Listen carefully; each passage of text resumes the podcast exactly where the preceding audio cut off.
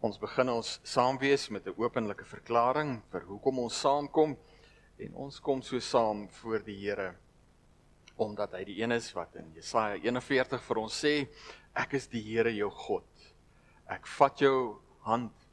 Ek sê vir jou moenie bang wees nie. Ek help jou. En vir ons wat daardie ervaring ken, vir ons wat so saamkom, hoor en beleef as God ons Vader, ons groet en seën met hierdie woorde genade en vrede vir jou van God ons Vader en die Here Jesus Christus. Amen. Kom ons maak die Here se naam groot deur saam te sing van die lied Hoe groot is ons God en daarna gaan ons stil staan by ons belydenis.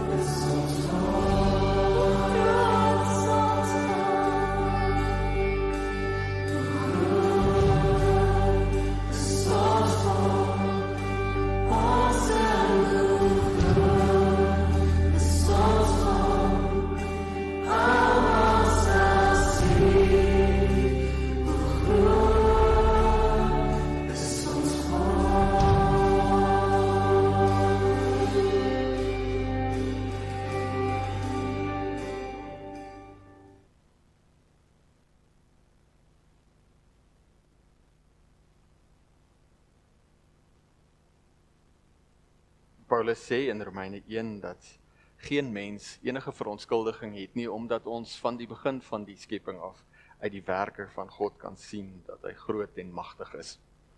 Wat hierdie lied, hierdie aanbiddingslied wat ons nou gesing het in besonder so besonders maak is dat dit baie sterk klem lê op die lam van God. En en dis die wonder van die Christelike godsdiens, die mooi daarvan, die aangrypende daarvan. Is dat God is nie net die skepper God nie, hy is ook die verlosser. Die verlosser wat in sondige mense se plekke kom sterf sodat ons herstel in ons verhouding met hom weer naby hom kan leef en saam met hom kan werk. Dis 'n besondere groot waarheid wat ons hierin verwoord, maar dis 'n besondere groot werklikheid wat uiteindelik ons lewens saamtrek. En ons lewens saamtrek in diens saam met hom. Vir ons as mense is dit baie keer net moeilik om te verstaan hierdie grootsheid daarvan dat dit soos Paulus in Romeine 8 sê wat ons vir onsself nie kon doen nie, dit het God vir ons kom doen. Nou niks wat ons doen, dit verstaan ons. Ons werke kan ons nie red nie en daarom ook in besonder met die oog op die prediking luister ons vanoggend weer na die katekismes Sondag 32. En ons vra in besonder hierdie vraag: Waarom moet ons nog goeie werke doen terwyl ons tog sonder enige verdienste van ons kant alleen uit genade deur Christus uit ons elende verlos is? Niks wat ons gedoen het daarvoor nie. God skenk dit uit genade. En dan antwoord ons omdat Christus ons nadat hy ons met sy bloed gekoop het, ook deur sy Heilige Gees tot sy ewe beeld vernuwe sodat ons met ons hele lewe bewys dat ons God dankbaar is vir sy weldade. Hy deur ons geprys word daardeur. Verder sodat ons vir onsself uit die vrug van ons geloof sekerheid kan kry en dat ons deur ons Godvreesende lewe ons naaste ook vir Christus kan wen. Kortom, ons doen goeie werke want dit is waarmee Christus in ons besig is. Hy herskep ons om die manne en vroue te word wat God bedoel het ons moet wees. Daardie mense wat uiteindelik aan wie hy die aarde, die hele skepping toevertrou met die verwagting dat ons dit mooi sal oppas en lewe daarin sal ontplooi. Dit mooi sal maak. Dan vra ons in vraag 87 'n baie belangrike vraag kan die mense dan nie salig word wat in hulle goddelose en ondankbare lewe volhard en hulle nie tot God bekeer nie en ons antwoord nee glad nie want die skrif sê die skrif sê geen onkeuse afgodsdienaar egbreker dief gierigaard dronkaard lasteraar rower en alsulkes sal die koninkryk van God beerwe nie en die waarheid daarin verwoord is net dit kan nie die lewende God ontmoet die gees van God in my hart hê, in my lewe hê wat my besig is om my nuut te maak om die beeld van Christus gelyk te word en dan willens en wetens volhard in 'n lewe waarin ek niks met God te doen wil hê nie. Dit is net onmoontlik. 'n Boom word aan sy vrugte geken. So dit gaan hier oor 'n sentrale gedagte van bekering. Bekering is 'n gawe wat God uiteindelik gee, bely ons sonder die werking van die Gees geen bekering nie. Hoe lyk daardie vrug dan? hoeveel uit hoeveel dele bestaan die ware bekering van die mens dan? Twee dele: afsterwing van die ou mens en die opstanding van die nuwe mens. En hierdie is regtig belangrik vir ons. Want as gereformeerdes het ons oor baie jare partykeer in hierdie slag gehad getrap dat sigarettes met jy reg wees en perfek wees en dis nie so nie. Die vrug van die werking van die Gees as ons praat oor bekering en 'n besonderlik daaglikse bekering in ons lewe is dat daar 'n afsterwing van die ou mens is hoe langer hoe meer breek ek weg van die sonde, ek nog nie gearriveer nie. Maar hoe langer hoe meer neem ek die goeie ook op. En daarom vra ons, wat is die afsterwing van die ou mens? Dit is 'n hartlike berou daaroor dat ons God deur ons sondes vertoren het en daarom ook hoe langer hoe meer die sonde haat en daarvan wegvlug. En wat is die opstanding van die nuwe mens? Dit is 'n hartlike vreugde in God deur Christus en 'n lus en 'n liefde om volgens die wil van God in alle goeie werke te lewe. En daarin die rigting van ons lewe uiteindelik. Die bewys dat ons gered is, dat die gees van God in ons woon, dat ons aan Christus behoort, is dat ons hoe langer hoe meer die ou mens aflê, die sonde haat, daarvan wegvlug en ons vreugde in diens van God vind. En ons kan dit doen ons wat die gees van God in ons het sê Paulus en daarom kom ons verheerlik die Here deur saam te sing van o Heer my God, die lied en dan in besonder in die een strofe hierdie groot waarheid waarop ons klem lê dat God maak ons deel van sy grootste werke ook in hierdie tyd. Kom ons sing dit saam en daarna luister ons na God se wil vir ons lewe. O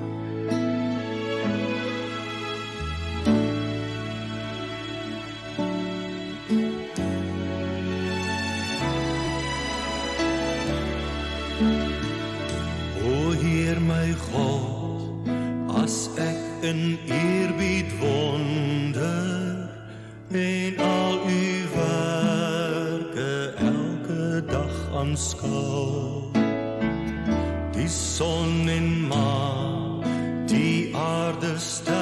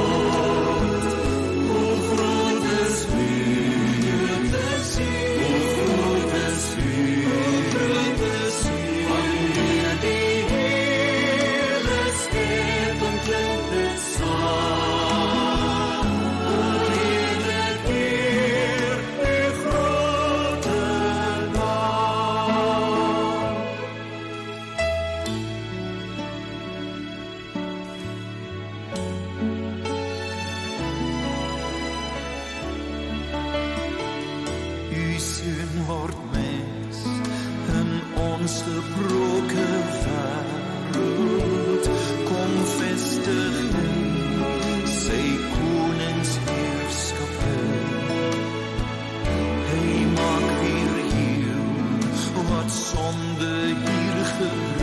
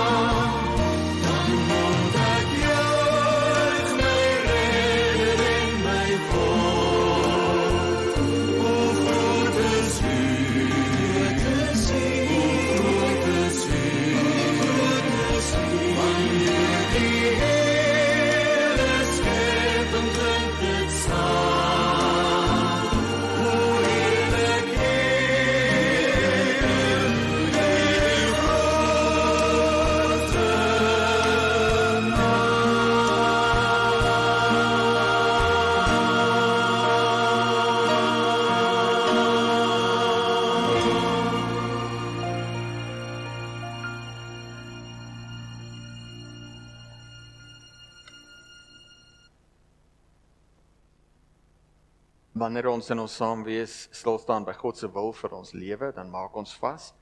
Dit is in die eerste plek 'n spieël sodat ons ons lewe kan meet en daarin kan weet hoe nodig ons Christus het en dan in die tweede plek ook die maatstaf vir hoe ons lewe. Ons staan vanoggend stil by 'n gedeelte uit Matteus 6. Ons het sover vanoggend hierdie wonder oordink van Christus wat in ons plek gesterf het. Nou daardie offer wat Christus gebring het was uiteindelik nodig vanweë die sondeval. Ons lees in Genesis 3 dat Adam en Eva hulle rug op God gedraai het, dat hulle uh, van die boom geëet het waarvan hulle nie mag geëet het nie, dat dinge in die wêreld vir hulle belangriker geword het as wie God is en wat hy wil hê. En daardie daardie ehm um, daardie las daardie sonde is ons almal se lot in die lewe tot vandag toe nog. Ons ons worstel met hierdie stryd tussen die ou en die nuwe mens. Tussen die stryd tussen wie God is en wat hy doen en wat hy vir ons doen, die wonder daarvan, maar aan die ander kant die hier en nou dinge wat vir ons baie keer so belangrik is. So wanneer Jesus kom, dan waarsku hy en hy sê vir ons moenie vir julle skatte op aarde bymekaar maak waar mot of roes dit verniel en en me, waar diewe inbreek en dit steel nie maak vir julle skatte in die hemel bymekaar waar mot en roes dit nie verniel nie en waar diewe nie inbreek en dit steel nie waar jou skat is daar sal jou hart ook wees dit gaan hier oor 'n fokus waarin dit waarmee God besig is uiteindelik vir ons belangrik is. Belangriker is as die hier en nou dinge. God word ons skat. Dit waarmee hy besig is vir ons belangrik. Nou Paulus skryf aan die gemeentes in Galasië en hy moet met hulle praat omdat hulle weer by 'n punt uitgekom het waar hulle gaan vastrek het en gesê het nee, dis deur wetsonderhouding wat ons gered word. En dit was aan die een kant 'n groot probleem vir van die gemeentes en aan die ander kant het van die ouens gesê, "Wel, Christus se offer is gratis en daarom as ons verlos is, kan ons maar leef soos ons wil. En daardie leef soos ons wil het gewoonlik saamgetrek en vasgetrek in die hier en nou dinge van hierdie lewe. Dit het hulle weer ingesluk. En Paulus moet hulle waarsku en sê dat dit 'n onsinnige argument is. Jy kan nie aan God behoort en soos die wêreld leef nie. En daarom waarsku hy en dis vir ons ook belangrik om na te luister. Die praktyke van die sondige natuur is algemeen bekend. Onsedelikheid, onreinheid, losbandigheid afgodsdiens, towery, vyandskap, haat, naaiwer, woede, risie, verdeeldheid, skering, afguns, dronkenskap, uitspattigheid en al dergelike dinge. Ek waarsku julle soos ek julle al vroeër gewaarsku het, wie om aan sulke dinge skuldig maak, sal nie die koninkryk van God as erfenis verkry nie. Die vrug van die Gees daarteenoor is liefde, vreugde, vrede, geduld, vriendelikheid, goedhartigheid, getrouheid, nederigheid en selfbeheersing. Teen sulke dinge het die wet niks nie.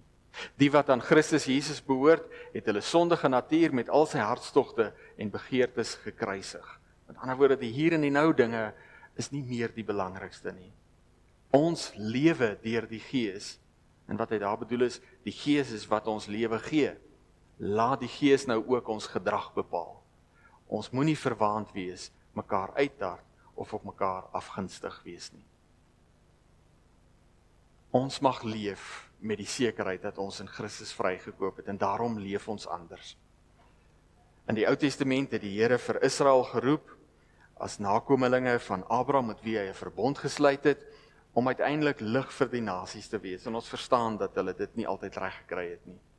Maar wanneer Jesus kom, ook in Matteus 6, dan sê hy ons is die sout vir die aarde en die lig vir die nasies. Ons is die mense wat hy vandag roep om in hierdie tyd en wêreld die skepping in gehoorsaamheid aan hom, in samewerking met hom mooi op te pas en lewe daarin te ontplooi en dan in hierdie bedeling waarin ons nou leef ook die evangelie uit te dra, die genade boodskap van God wat lief is vir sy skepping te deel met ander. Kom ons bid saam en ons doen dit deur die lied um lig vir die nasies te sing. Dis 'n gebed, dis 'n baie innige gebed en ek maak weer vas vier versreëls beskryf 'n waarheid en dan in die laaste versreëls versreël die die um die bede wat ons tot God sing. Jesus sê in Lukas 19, Lukas 17, hou aan bid, bid sonder ophou totdat God verhoor, want hy gee sonder voorbehou aan elkeen wat vra. Kom ons bid die Here dat hy ons hierin lig vir die nasie sal maak en daarin na sal ek vir ons in gebed voorgaan. Thank you.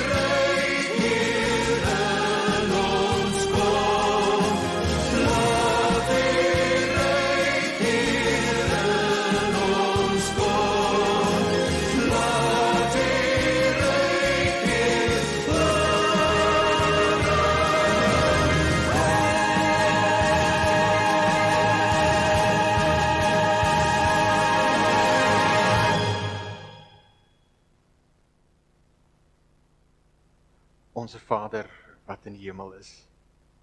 Vader, dankie dat ons U mag ken, dat ons U mag aanroep as Vader. Dankie dat ons mag deel in die werke. Dat ons die waarheid eh, mag ken, dat ons daarmee mag omgaan. Dat ons dit nie net mag ken as as kopkennis nie, maar dat ons dit innig kan beleef. Dat U in Christus uitgereik het na ons en ons U sin gemaak het. Dankie dat ons as liggaam van Christus in hierdie wêreld mag opstaan, mag leef as sout en lig vir hierdie wêreld. Vader, dankie dat ons u bemoeienis mag ken. Dat ons u omgee en u sorg mag beleef in ons alledaagse lewe. En as ons so rustig word dan dan kom sê ons dankie vir klein Martin wat gebore is. Dankie dat ons daarin kan sien dat u nog nie opgegee het met die wêreld nie. Dat u vandag nog besig is. Dat u ook 'n volgende geslag verseker om aan te gaan om saam te werk met u in dit waarmee u besig is. Vader, dankie dat ons daarin ook mag verstaan dat u wel besig is. En daarin kom pleit ons Vader, breek ons harte oop dat ons te midde van die onsekerheid van ons tyd en die omstandighede wat ons baie keer beleef, mag verstaan, mag begryp dat u wat regeer besig is oor baie eeue heen, vandag nog besig is. En dat ons daarin die genade mag beleef om te sien hoe en waar ons saam met u kan werk hierin. Ons kom as kinders na u toe om ook ons ons node en behoeftes aan u voor te hou, ons daaglikse brood. En ons verwag Vader in in dat u in goedheid ook daarin antwoord sal gee en vir ons sal sorg dra soos u altyd doen. Ons kom bid in besonder vir Klaak en ons Ons pleit in hierdie tyd van groot onsekerheid dat U met hom sal wees. Mag hy U teenwoordigheid beleef en mag hy ervaar ook dat die hande wat hom versorg deur U geseën is. En dan kom ons Vader in ons saam wees en besonder om te bid. En ons pleit Vader dat U vir ons te midde van dit waarmee ons baie keer worstel, die onsekerheid van die toekoms in ons land, die dinge wat skeefloop in ons land, dat ons mag verstaan dat U die een is wat besig is. Besig is in ons eie lewens, in ons eie menswees en dan deur ons besig is in hierdie wêreld. En waar hy ons deur die Gees en woord toerus, pleit ons vanoggend maak dit rustig in ons harte dat ons mag hoor as U met ons praat.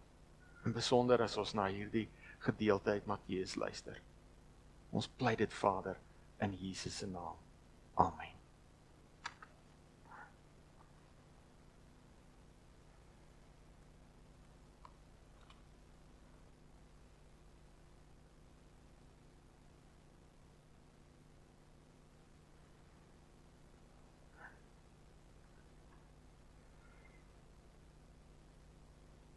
Ons staan stil by Matteus. Ons het nou rukkie lank lank daar gestil staan. So kom ons maak dit gou weer vas.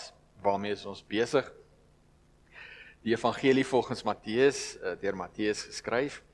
Ehm um, is 'n handleiding vir disippelskap. Matteus skryf aan die gelowiges in die provinsie Romeinse provinsie Sirië, noord van die provinsie Judea. Um en hy skryf aan Joodse gelowiges, Joodse gelowiges wat in daardie tradisie van Abraham gestaan het, wat iets verstaan het en erns gemaak het met die werklikheid dat God besig is in hierdie wêreld. Maar hulle was ook Joodse gelowiges wat deur die ballingskap heen in daardie tradisie weer teruggekom het in Israel en met hierdie groot verwagting geleef het dat die Messias weer sou kom en wanneer Christus weer kom, aanvaar hulle dat Jesus is die Messias wat God beloof het. Maar dan nadat Christus opgevaar het, begin dinge vir hulle regtig moeilik raak. Onder andere omdat daar uh, gerugte rond oor die Christene begin versprei het. Omdat hulle nagmaal onder andere gehou het en gesê het hulle eet die liggaam uh, of die vlees dan nou van Christus en veral die Romeinse mense kon die ding glad nie verstaan nie. Dit was vir hulle 'n bietjie wreed en en daar het uh, agterdog rondom die Christene ontstaan. En vir die Romeine wat van meet af bietjie versigtig was vir die Jode omdat hulle regtig 'n moeilike volk was, het hulle met groot oë begin kyk na die Christene ook. En dit het die Jode aan die ander kant, die ortodokse Jode bang gemaak omdat hulle geweet het die Romeine tree nogal hardhandig op as hulle gepla word. En daarom het hulle besluit om die gelowiges, die Christene uit die sinagoges te verban. Hulle het hulle self gedistansieer van die Christene af. Hulle wou niks met hulle te doen gehad het nie sodat die Christe, die die Jode, die Romeine kon verstaan hierdie is nie ons mense nie. Maar vir die Joodse gelowiges wat in Christus geglo het, was dit 'n verskriklike ding. 'n Jood het in die sinagoge groot geword. Dit was sy identiteit om deel van die volk van God te wees. So hierdie krisis was vir hulle regtig groot. En en daarom skryf Matteus dan nou hierdie evangelie aan hulle om om hulle te help om te verstaan uiteindelik dat hulle hulle ware identiteit vind in navolging van Christus. En hy begin op 'n baie spesifieke plek en hy wys dat Jesus is die wettige koning wat in die Ou Testament beloof het, beloof is. En dan maak hy baie groot swaar water daaroor dat Jesus kom om sondaars te red. En daardie is weer eens regtig 'n belangrike konsep. Dis belangrik vir ons om te verstaan dat Jesus kom om sondaars te red. Want wanneer ek verstaan dat dit gaan oor sondaars, dan kyk ek anders na myself en ek kyk anders na ander. Nou besig met daardie verlossingswerk waarmee hy waarvoor hy gekom het, roep Jesus 'n klompie mense om hulle toe te rus as vissers van mense ter wille van die nasies. En dan leer hy hulle as ons daar nou by Matteus 5 kom om die wet reg te gebruik. Die wet is nie daar as 'n maatstaf om ander mense te veroordeel of te beoordeel nie. Die wet is daar as 'n maatstaf vir my om my eie sonde en ellende te ken. En dis regtig belangrik. En dan net daarna 'n paar wonderwerke waarin God vasmaak dat God wil en hy kan en hy ons verlos en hy verlos ons uiteindelik tot diens. En daar is regtig belangrik, God verlos ons tot diens. Ons word nie maar net verlos en iewers op 'n rak gesit om mooi te lyk nie. God herstel ons tot ons oorspronklike skepingsdoel. Herstel in ons verhouding met hom kan ons weer geborge in daardie verhouding naby hom leef en saam met hom werk. En daarom maak ons vas vissers van mense is mense wat weet dat verlossing alleen by Christus te vind is. Mense wat verlossing by hom gevind het en wat daarom nie anders kan as om met alles wat hulle is en het te vertel van Jesus en wat hy doen nie. En dan hoor ons dat Jesus wanneer hy die menigte sien, moeg en hulpeloos sonder skape, soos 'n wagter, um, sonder 'n wagter, dat hy 'n opdrag gee dat ons moet bid vir die vir die arbeiders vir die oes. Mense wat kan uitgaan in die wêreld in om disippels van die ander mense te maak. En dan verstaan ons dat hy daardie gebed alreeds geantwoord het. En dan besig met sy disippels se op indiensopleiding stuur Jesus sy disippels as arbeiders in die oes in om die evangelie met ander te deel. En ons hoor hier van hoofstuk 9 af dat nie almal die boodskap van die koninkryk wat gekom het aanvaar nie. Selfs nie al gaan dit gepaard met wonders en tekens nie. En Jesus en die Fariseërs en skrifgeleerdes begin kopstamp. En die Fariseërs, hulle het gesien die werke wat Jesus doen, maar hulle skryf dit toe aan aan die werk van die bose. Met die hulp van Beelzebul sê hulle doen Jesus die wonders. En dis waar ons in die vorige gedeelte stil gestaan het. Jesus antwoord hulle en um en hy wys vir hulle die onsinnigheid en die on, onredelikheid van hulle aantuigings. As hy dan met die hulp van die duiwel die bose geeste uitdryf, hoe doen hulle dit? 'n Huis wat verdeel is kan tog nie bly staan nie. So as die duiwel teen homself beklei, dan is dit mos 'n verlore saak vir hom. En daarom sê Jesus vir hulle, julle eie volgelinge sal vir julle wys vir julle wys dat julle argument nie sin maak nie. En dan waarsku Jesus hulle in besonder dat elke sonde mens vergewe kan word, maar lastering teen die Heilige Gees kan nie vergewe word nie. En dit gaan hier oor 'n groot werklikheid dat God het beloof hy sal tussen sy mense kom woon en dat hierdie werklikheid wanneer dit aanbreek sal dit met bepaalde wonders en tekens gepaard gaan en nou kom Christus Hy is God wat mens geword het, Immanuel, wat tussen sy mense kom woon en die kerk van Jesus se tyd wat die skrifte geken het, sien dit nie raak nie. Hulle wil dit nie raak sien nie. En daarom verwerp hulle dit. Hierdie werklikheid van God tussen hulle. Hulle weerstaan daarin die werking van die Gees. Nou hierdie konfrontasie met die kerk van sy tyd was werklik baie belangrik en daarom gee Jesus na daardie eerste waarskuwing nog 'n waarskuwing. En nou luister ons na daardie gedeelte. As jy sê 'n boom is goed, moet jy ook sê sy vrugte is goed. En as jy sê hy is sleg, moet jy ook sê sy vrugte is sleg. 'n Boom word tog aan sy vrugte geken. Julle slange, hoe kan julle wat sleg is iets goed sê? Wat die hart van vol is, loop die mond van oor. Die goeie mens bring die goeie te voorskyn uit die oorvloed goeie dinge in sy hart en die slegte mens bring die slegte te voorskyn uit die oorvloed slegte dinge in sy hart. Dit sê ek vir julle van elke ligsinnige woord wat die mens sê, sal hulle rekenskap moet gee op die oordeelsdag. Op grond van jou eie woorde sal jy vrygespreek of veroordeel word.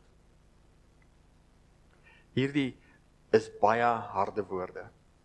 Woorde wat gerig word tot die kerk van Jesus se tyd. Nou dit is belangrik om te verstaan dat die kerk van Jesus se tyd was nie oningelig of onkundig nie. Die Fariseërs het die koninkryk van God verwag en daarom het hulle moeite gedoen om die skrifte te ken en hulle het die skrifte geken. Later in Matteus 23 hoor ons as Jesus vir die mense sê, die skrifgeleerdes en die Fariseërs het die gesag om die om die wet uit te lê en die mense moet luister na dit wat hulle vir hulle sê. Maar sê Jesus, moet net nooit hulle voorbeeld volg nie, want hulle doen self nie wat hulle sê nie. Wanneer die skrifgeleerdes in hoofstuk 13 na Jesus toe kom en hom probeer toets en vasvra, dan sê Jesus vir hulle: "In die aand sê julle, daar kom mooi weer want die lig is rooi, en in die môre sê julle, vandag sal dit onweer wees, want die lig is duiserig rooi." Julle weet hoe om die voorkoms van die lig te beoordeel, maar die tekens van die tye kan julle nie onderskei nie. En Jesus roep hulle uit hierin. Hulle ken die skrifte, hulle weet wat die tekens is, maar wanneer dit reg voor hulle gebeur, sien hulle dit nie raak nie. Die Here het na sy mense toe gekom en hulle het hom nie herken nie. Hulle het geweet die skrifte sê die Messias kom en dat dit met groot wonders en tekens gepaard sal gaan. Maar toe dit gebeur, toe mis hulle dit. Iets het in hulle lewens skeef geloop. En daarom gee Jesus nog 'n voorbeeld vir hoekom hulle aantuiging dat hy saam met die duiwel werk uiteindelik onsinnig en onredelik is. En saam met die verduideliking gee Jesus nog 'n waarskuwing. As jy sê 'n boom is goed, moet jy ook sê sy vrugte is goed. As jy sê die boom is sleg, moet jy sê sy vrugte is sleg, want 'n boom word aan sy vrugte geken. Wat Jesus vir hulle sê is jy kan nie sê dat my dade is goed, maar ek self is sleg nie. Die argument maak nie sin nie. En dan konfronteer Jesus hulle tromp op. Julle sê die slegte dinge uiteindelik omdat julle sleg is. Julle slange, hoe kan julle wat sleg is dan sê um iets goed sê? En Jesus sê vir hulle waar die hart van vol is, loop die mond van oor. Jesus gaan hierdie aantuiging, dit wat hy nou vir hulle sê, gaan hy in Matteus 23 weer optel. Daar praat hy oor die werklikheid dat hulle soos blink bekers is, maar wat vuil binnekant is, of soos wit gepleisterde grafte is, maar vol doodsbeendere aan die binnekant. Jesus maak vas dat hulle is buite vroom godsdienstig. Hulle is die kerk van sy tyd, maar binne is hulle vol hebsug en onsuiverheid. En dan verduidelik Jesus hulle probleem. Hy sê die goeie mens bring die goeie te voorskyn uit die oorvloed goeie dinge uit sy hart en die slegte mens die slegte uit die oorvloed slegte dinge uit sy in sy hart. Nou die vertaling hier is nie verkeerd nie. Jesus praat immers oor dit wat in ons hart is. Maar daardie woord wat ons hierso vertaal met die goeie dinge in jou hart, die vertaling of wat die ou vertaling en die 2020 vertaling vertaal met 'n skatkamer van jou hart. Um daar staan in die Grieks uiteindelik net die goeie skat. Is in die genitief geskryf dis dit beskryf net die skat wat jy het. So dis belangrik om vas te maak. Die Griek sê eintlik hierso, die die goeie mens bring of gee die goeie uit die goeie skat wat hy het en die slegte mens bring of gee die slegte uit die slegte skat wat hy het. So dit gaan hier oor wat vir elkeen belangrik of waardevol is en wat hulle moeite gedoen het om bymekaar te maak. Dit gaan oor die skat wat jy het. Vir die skrifgeleerdes en die fariseërs was die verkeerde goed belangrik en daarom het hulle die verkeerde goed bymekaar gemaak. Hulle lewe net vir hulle self en nie vir God en dit wat vir hom belangrik is nie. Nou Jesus praat nie hier van goeie mense of slegte mense nie, maar oor die dinge wat mense bymekaar maak. Dit gaan nie oor goeie of slegte mense nie. Almal is sleg. Almal het gesondig, sê Paulus in Romeine. So Jesus maak nie hier 'n waarde oordeel om te sê sekere mense is van nature maar net sleg en daarom moet hulle verdoem word en ander mense is van nature goed en daarom is hulle die koninkryk waardig nie. Jesus praat oor iets diepers. Hy praat oor die skat, oor dit wat ons bymekaar maak, oor dit wat vir ons belangrik is. So wanneer hierdie gedeelte sê Die goeie mense bring die goeie te voorskyn uit die oorvloed van goeie van die goeie skat wat hulle het of die slegte mens die slegte uit die slegte skat wat hulle het, dan is 'n goeie beeld om dit te verstaan is as jy by 'n groenteverkoper kom. As hy as hy 'n groenteverkoper goeie groente het, dan is hy 'n goeie groenteverkoper, maar as jy by hom kom en hy het slegte groente, dan is hy 'n slegte groenteverkoper. As die groenteverkoper met slegte groente as hy net slegte groente het, kan hy vir jou niks anders gee nie. Want dit wat hy het is sleg. Daar is nie iets goeds om met jou te deel nie. En hieroor stamp Jesus kop met die kerk van sy tyd. God het hulle geroep en aangestel om die lig vir die nasies te wees, maar daar was nie lig nie. Hulle moes die sout vir die aarde wees, maar die sout het laf geword. Die Here wou hê dat deur hulle alledaagse lewe hulle die volke moes nader trek sodat die ander volke, die heidense volke, die Here die Almagtige kon leer ken in sy liefde en genade. Sagaria in die Ou Testament skryf in besonder hieroor. Maar so slegte groenteverkopers het hulle nie liefde en genade bymekaar gemaak nie. Net hoogmoed en veroordeling en veragting vir die wat volgens hulle minderwaardig is. En die punt in hierdie gesprek was eenvoudig dit: hulle kon nie iets goeds sê of doen. Hulle kon nie iets goeds deel met ander nie omdat hulle dit self nie gehad het nie. En dan Jesus se skrikwekkende waarskuwing. Van elke ligsinnige woord sal die mens rekenskap gee op die oordeelsdag. Dit is belangrik om daai raak te sien op die oordeelsdag. Daar is genade tyd om reg te maak. Op grond van jou eie woorde sal jy vrygespreek of veroordeel word. Nou in die algemeen verstaan beskryf die woord ligsinnig vandag 'n gesindheid van nie erns maak met belangrike dinge nie. Dankie Shaal. So ek het 'n bietjie gaan kyk die hart ja, die Afrikaanse handwoordeboek uh, beskryf ligsinnig in terme van twee sake. Dit is in die eerste plek om uh nie erns te maak met belangrike dinge nie, um, om sonder sorg vir vir die deeglike oorweging van belangrike dinge. Dit sou ligsinnig wees. Maar ligsinnig beskryf nie net 'n gesindheid nie, dit beskryf nie net ons denke nie of wat ons sê nie. Ligsinnig beskryf ook dade. En daarom sê die hart is ligsinnig ook losbandigheid. Wanneer jy losbandig lewe sonder grense en maak net soos jy wil, is jy ook ligsinnig. Nou die Griekse woord wat ons hier gebruik is argos. Kan maar daardie woordblom opsit. Nou daardie woord trek so vyf betekenisvelde saam. Argos word in daardie vers, vyf verskillende situasies gebruik in die Grieks. En daar waar die kringe oorvleuel, kry ons die dieptepunt van ligsinnigheid. Argos is om ledig te wees, om nie te werk nie. Maar dit kan ook wees om lui te wees, om nie te wil werk nie. Dit met ander woorde dat um, ledig wees 'n lewenswyse word. Argos kan beteken ondeurdag, om sorgelees in die oordeenking of oorweging van sake en optredes te wees wat naby aan ons idee van ligsinnig is. Maar argos kan ook onverskilligheid beteken. Agterloosheid, dit traak my nie agterge houding nie. 'n 'n stukkie weerbarstigheid. En dan die die vyfde veld, argeloos kan nutteloos beteken. Oneffektief. Ek bereik niks nie. Dis 'n baie skel harde woord. Argos wat ons vertaal met ligsinnig is verskriklik. Dis 'n baie belangrike waarskuwing wat Jesus hier rig. Wanneer hy in konfrontasie met die kerk van sy tyd hierdie woord gebruik, is dit nie net in terme van dit wat ons verstaan as ligsinnigheid nie.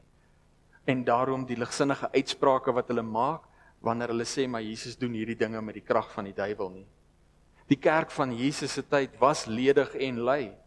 Hulle het nie en wou nie die werk doen waartoe God hulle geroep het nie. Hulle het ondeurdag en onverskillig gelewe veral in die lig van dit wat God in en deur Jesus Christus tussen hulle gedoen het. Dinge wat hulle toe as die werk van die duiwel afgemaak het.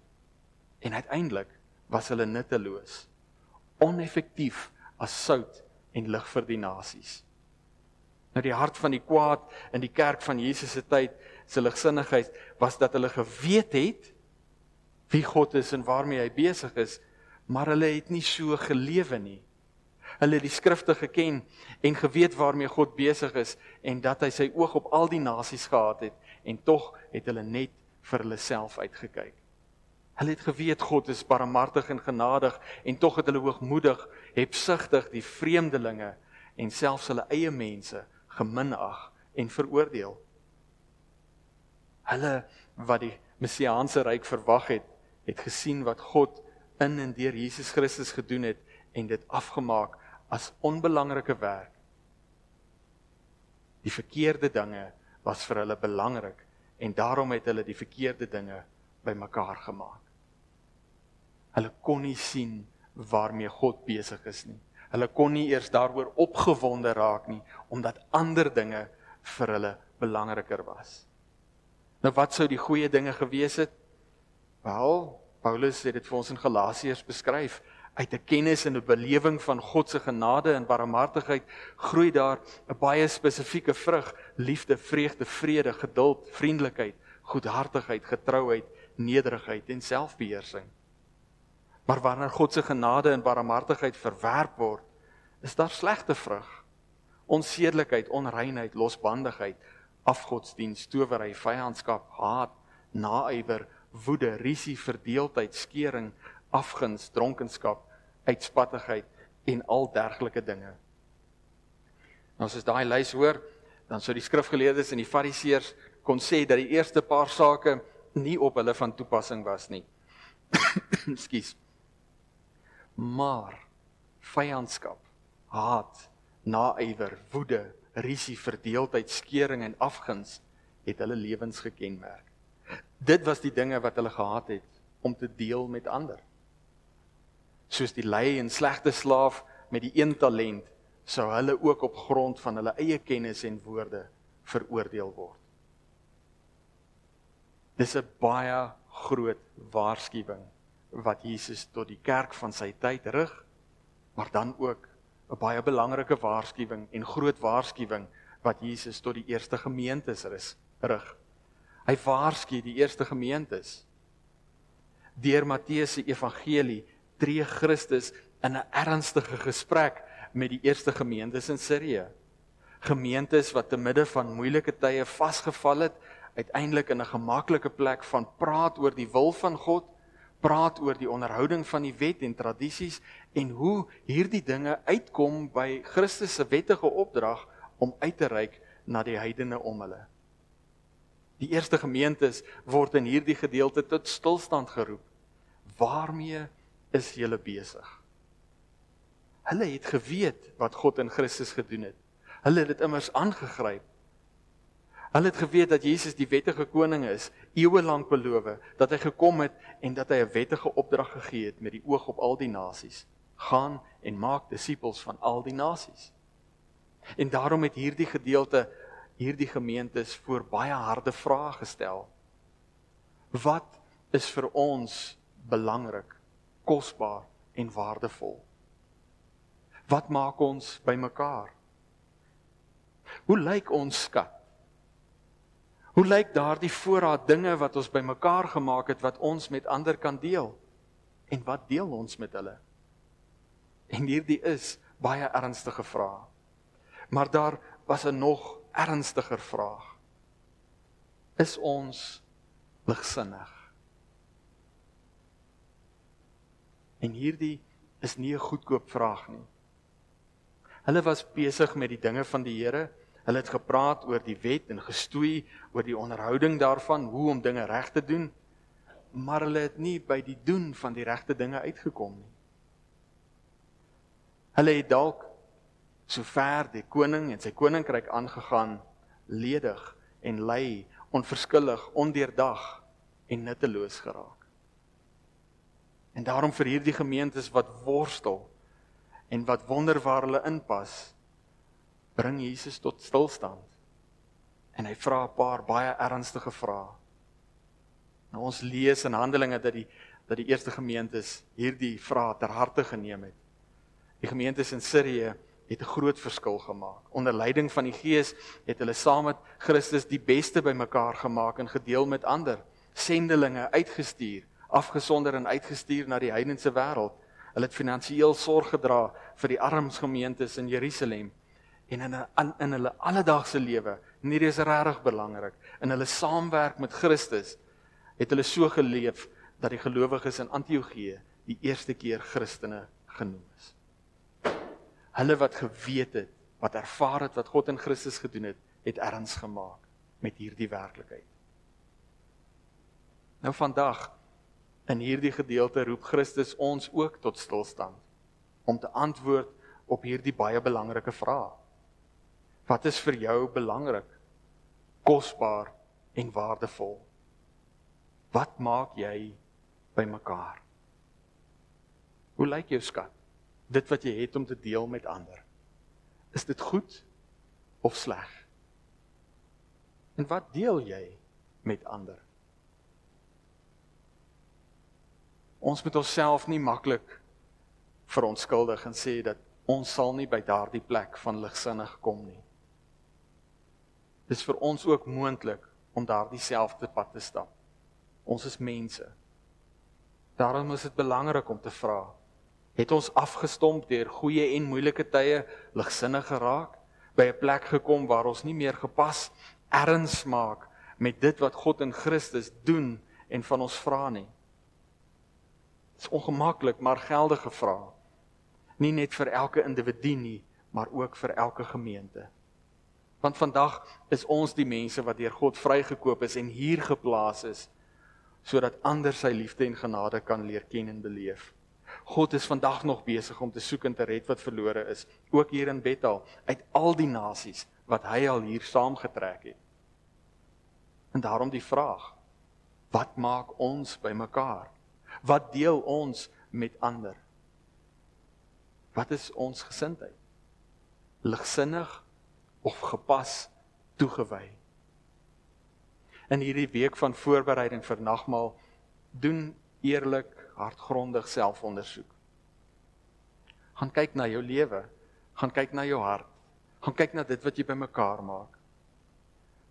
Kyk na die skat. Dit wat jy met ander deel. Kyk na jou gesindheid teenoor Christus, sy koninkryk en die werk waartoe hy jou geroep het. Doen dit met die seker wete dat die gees van God jou hierin lei. En moet daarom nie moedeloos in selfveroordeling verval nie. Wanneer ons voor die woord van God staan, dan roep die Here 'n reaksie van ons op. En in hierdie gedeelte is daardie reaksie een van selfondersoek. Maar jy hoef nie moedeloos te gaan lê omdat jy 'n sondaar is en daar nie vir jou hulp is nie. Jy is 'n kind van God. Jy is kosbaar vir hom en daarom het hy jou geroep. En omdat jy sy kind is, vertrou hy kosbare dele van sy koninkryk aan jou toe. Onder andere vandag om sout en lig te wees sodat ander hom kan leer ken.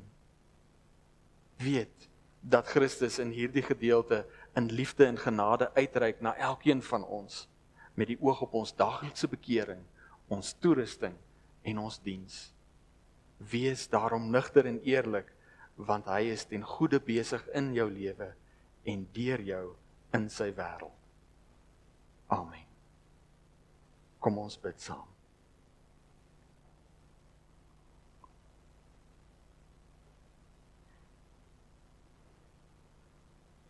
Vader, as ons hierdie week tegemoet gaan met hierdie vraag van selfondersoek in ons harte, dan pleit ons maak ons sensitief vir die leiding van die Gees. Dat ons deur die mure van skeiding tussen geestelik en en wêreld sal breek, daardie hokkies en vakkies wat ons in ons lewe inbou, dat ons ons hele lewe sal sien as 'n lewe in toewyding aan U, as 'n lewe van diens, as 'n lewe vir U. Help ons om regtig nigter na ons ons eie menswees te kyk, maar ook na ons diens in hierdie wêreld, na hoe ons lewe, na dit wat ons bymekaar maak en uiteindelik dit wat ons deel in ons alledaagse lewe maak ons derentyd bewus van die leiding van die Gees en daarin ook die werklikheid van dit wat Christus vir ons gedoen het. Dat daar in hierdie lewe niks is wat ons kan skei van die liefde wat U vir ons het in Christus nie. Mag ons deur hierdie proses van selfondersoek groei in ons verstaan van U liefde vir ons. Mag ons groei in ons diens aan U, in ons saamleef en saamwerk met U wil U ons hierin genadig wees sodat ons sout en lig mag wees soos wat U dit bedoel het. Nou pleit ons Vader, bring ons daarin weer saam volgende week vir nagmaal dat ons mag beleef en ervaar ook in die teken wat U vir ons gee dat Christus volkomme verzoening gedoen het vir ons sonde vir die wêreld se sonde en daarin ook iets mag verstaan van U hart en liefde vir U kinders ook hulle wat nog nie by u tuis gekom het nie. Maak ons die sout en lig sodat ander u kan leer ken. Ons bid dit in Jesus se naam. Amen.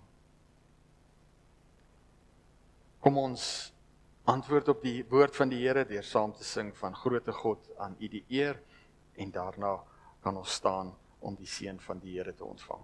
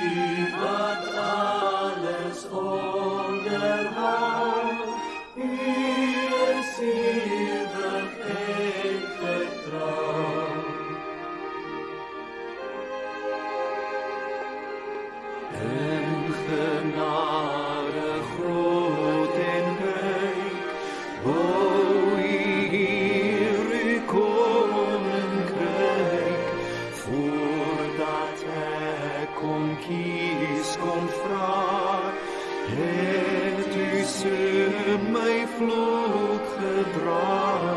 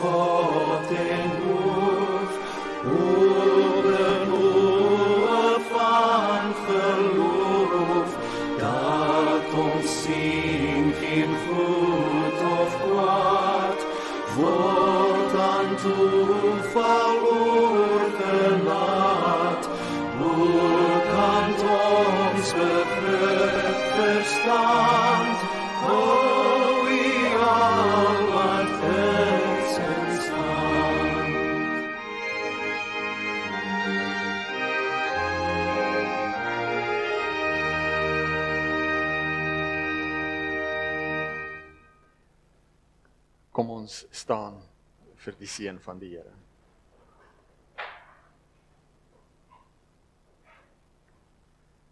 Wanneer ons gekonfronteer deur Christus in hierdie skrifgedeelte ook uitgaan om verder selfondersoek te doen, weet dat dit belangrik is en dat ons Vader daarin met jou sal wees en daarom ook sy seën. Die genade van ons Here Jesus Christus, die liefde van God ons Vader en die troos en leiding van die Heilige Gees is met u elkeen. Amen.